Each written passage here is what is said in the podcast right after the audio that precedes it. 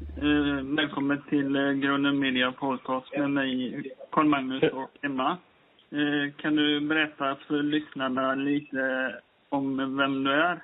Ja, jag heter Anders Nilsson. Jag är från Chile, Värmland och jag har gjort film sedan jag var fem år. Jag har gjort film eh, för internationell marknad när jag var på 19 år och framåt. Och sen så började jag film för svensk marknad och den första filmen hette Noll tolerans. Och sen dess, det här var 1999, så har det blivit 20 stycken Johan Falk-film. Oj, ja, det var många. Ja, Du är regissör, manusförfattare och fotograf. Har du gått någon utbildning för att bli regissör? Och i så fall, vilken utbildning har du gått? Nej, det har jag faktiskt inte. Eh, jag, jag var fotograf framför allt eh, när jag var i 20-årsåldern. Då fotade jag många filmer. Men vad jag gör just nu är ju mest regi, manus och showrunner som det heter. Det är ju när, den som är kreativt ansvarig när man gör en serie filmer. Nej, jag har inte gått någon, någon utbildning. Alltså dagen efter jag tog eh, Eh, jag gick ur fyraårig teknisk linje. Dagen efter så hoppade jag in i en bil och åkte till Lidköping där det gjordes en film som hette The Ninja Mission. Eh, och det var den första riktigt stora i Sverige för internationell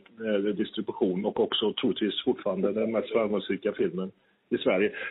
Och det att och, jobba där i Lidköping på den här Independent-filmstudion som man får kalla den. Det var ju om, I USA fanns det en eh, motsvarande som drevs av en kille som heter Roger Corman och Scorsese och många andra. James Cameron startade ju sin karriär där. Att vara på den här studion, det var min filmutbildning. Ja, det, det låter ju jätteintressant. Hur, eh, hur kommer det sig att du blev eh, regissör? Alltså det första jag gjorde när jag kom till den här Independent-studion, det var... För jag ville ju göra film, jag hade gjort massor med filmer i 8 mm innan, och Super 8 och sånt där. Eh, kortfilmer. Eh, det första jag fick göra var att hålla i en lampa så inte den skulle välta, för vi hade valt inspelningsplats. Det, samtidigt skulle alla ungdomar som slutade skolan eh, festa, så vet, de höll på nästan att välta all utrustning, så jag fick hålla i lampan. Och nästa dag, vi var bara fem stycken i filmteamet i början, fick jag då börja som B-fotograf och sen fotade jag mer och mer och klippte. Och jag sa väldigt tidigt att jag skulle vilja bli filmklippare för det tycker jag absolut är roligast. Och då sa min dåvarande mentor, Mats Helge Olsson hette han, nej regissör ska du bli för det är det som är grejen. Eh, och då jobbade jag mot det och regisserade många filmer också. Eh, tidigt, väldigt tidigt. Mm. Är det många som går den vägen tror du? eh, Att man Nej. jobbar sig upp som på alla? Ja, så rent generellt jobbas uppåt. Och det, Mm. det, absolut, det är jättevanligt. Alltså, Mm. Ehm, ofta. Alltså det vanligaste till exempel att eh, de, de som blir filmproducenter, de har ju börjat någonstans att vara assistent till producent eller jobba Mm. som koordinator på en filminspelning eller produktionsledare. Eh, det är väldigt vanligt. Ja. Eh, Då har jag en annan fråga här. Eh, vilken film önskar du att du hade regisserat? Så din liksom, drömfilm du hade velat göra? Ja, det är sällan man får den känslan. Alltså, Ja. jag, fick, jag fick den känslan lite när jag såg för första gången eh, första Terminator på bio. För jag Ja. tänkte att det är ju en sån där grej man skulle kunna komma på själv och gjort om man hade haft resurserna då. Det var ju jätteung så det var ju helt omöjligt att jag skulle kunna gjort det ändå. Va? Men den känslan fick jag då. Eh, annars så får jag sällan sån känsla just av den orsaken att jag försöker hitta unika saker att göra film om. Eh, och det betyder ju att när jag ser någonting annat, någon som har hittat något, unikt, så kan jag ju inte tänka att det skulle jag vilja ha gjort. För att det, jag det, mina idéer kommer ju redan från början, innan inspelningarna börjar. Liksom. Så att, att det är en så lång Mm, process, så att jag får aldrig den tanken. Eh, vilken är den bästa filmen eh, som du kan eh, rekommendera? Ja, alltså det finns ju många bra filmer. Alltså, eh, jag gillar ju de här gamla äventyrsfilmerna, Hajen och Gudfadern och så vidare. Casablanca är ju en väldigt bra film. Kapten Blod, gammal härlig, härlig eh, Errol Flynn-film. Så att, Mm. eh, ja, det, finns, det finns så många. Mm. Eh, vad är ditt nästa projekt? Eh, har du något på gång? Jag håller på med fyra olika projekt och vilket som blir först, det vet jag inte än. Det, det, det kan bli vilket som helst de här fyra sakerna jag håller på med. Så det blir Mm. spännande. Hur är det att arbeta med Jakob Eklund och Joel Kinnaman? Ja, det är ju fantastiskt. Eh, Jakob är ju en av världens bästa skådespelare, märker man när man har jobbat med honom. För att han går verkligen in för att ta ansvar för hela produktionen. Alltså jag brukar ju kalla, kalla honom för Sveriges John Wayne. John Wayne var ju känd för att vara på inspelningsplats och stötta allting, även när han inte var i bild och sånt där. Och Mm. Jakob är verkligen det också. Han blir verkligen som en mentor för alla andra skådespelare. Eh, Joel Kinnaman hade ju inte gjort speciellt kända saker innan jag la två manus framför honom och sa den här rollen, den är, den är du. Och då tittade han på mig som om han hade precis kommit ut från eh, skådespelarskolan. Då. Han tittade på mig som att det säger ju alla som kommer med manus. Men sen när han läste det, han blev helt eld och lågor. Och han, eh, han brann ju verkligen för det. Så att det var ett fantastiskt... Och grejen är att alla skådespelare som varit involverade i serien har verkligen brunnit för det de har gjort, inklusive filmteamet. Så att Ja. det var fantastiskt. Härligt. Ja, vad är den bästa egenskapen att ha som regissör? Alltså just som regissör, regissör är ju lite speciellt. Jag har ju inte ens regisserat på den sista, eh, sista säsongen. En regissör egentligen är ju arbetsledaren på inspelningsplats. Och eh, det är ju att helt enkelt, man brukar säga, regissörens jobb är att få ut det bästa av alla på inspelningsplats och göra det i tid så det inte blir någon övertid. Enkelt, men det är det verkligen inte.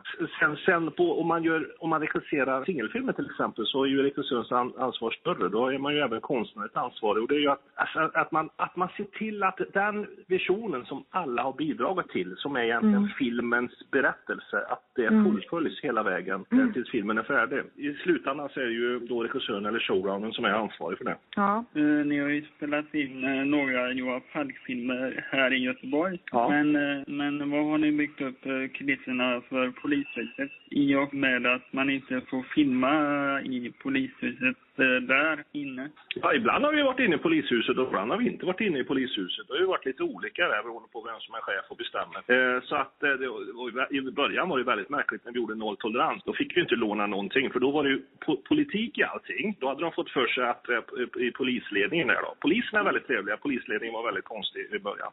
När vi gjorde nolltolerans. De sa så här, nej ni får inte låna en batong för att vi måste visa gentemot Stockholm att vi inte har några resurser. Hur skulle det se ut om ni lånar en batong? Jaha. Så då köpte vi egna polisbilar. Eh, Nej. eh, och, och, och så dressade dem och, då, och, då, och sen så täckte vi dem då. Så vi eh, och körde med dem. Och det får man göra. Och sen när vi filmade med dem så var de inte täckta för då var det inhägnat område. Och sa de, jaha, har ni gjort så här?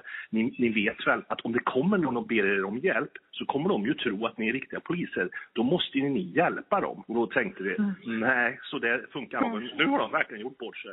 Och från det ögonblicket att de insåg att de egentligen spelade fel där därifrån vände allting och som har faktiskt hjälpt oss hela vägen. Så att, eh, Ja, vad Ja. bra.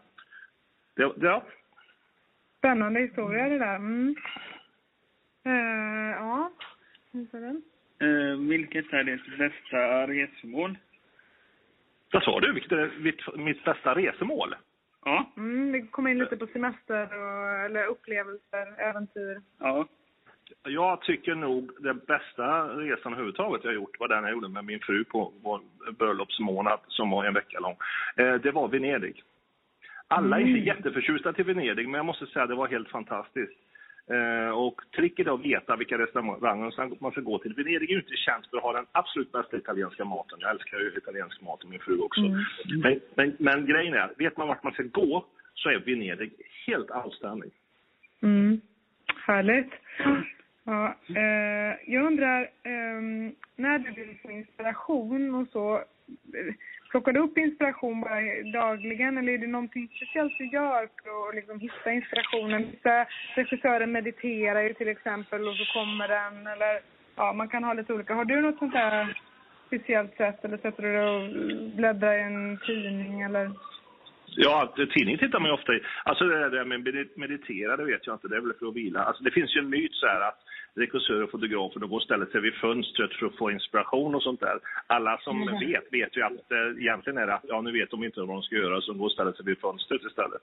Så det, det är ju myt. Alltså det är ju det är, det är ett jobb. Eh, man gör det ofta metodiskt. Sen exakt när idéerna dyker upp är inte alltid just på klockslaget. Va? Men man, man pratar med människor, man får inspiration, man ser till så att man har positiva människor runt omkring en som ger energi istället för att ta energi. Alltså det är en teknik väldigt mycket.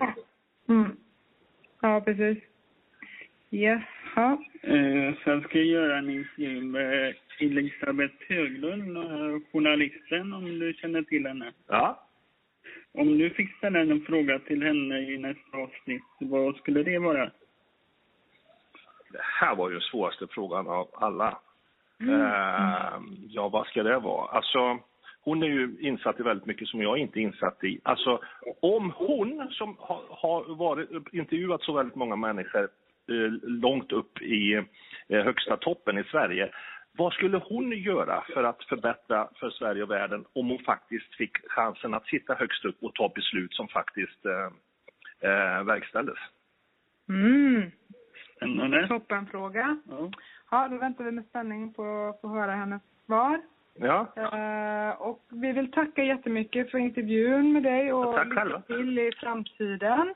tack. Så hälsar vi och sen så uh, mejlar väl Carl Magnus dig när den ligger uppe, tänker jag. Mm. Ja, vad kul. Ja. Ja, vi lägger ut Ja. det på vår eh, hemsida sen. Mm. Ja, då, ja. det blir kul. Men ja, tack så jättemycket och ha en härlig dag. Ja, tack ha en detsamma. fin dag. Ja, tack. Hej, hej. Tack så mycket. Mm. hej. hej. hej. hej.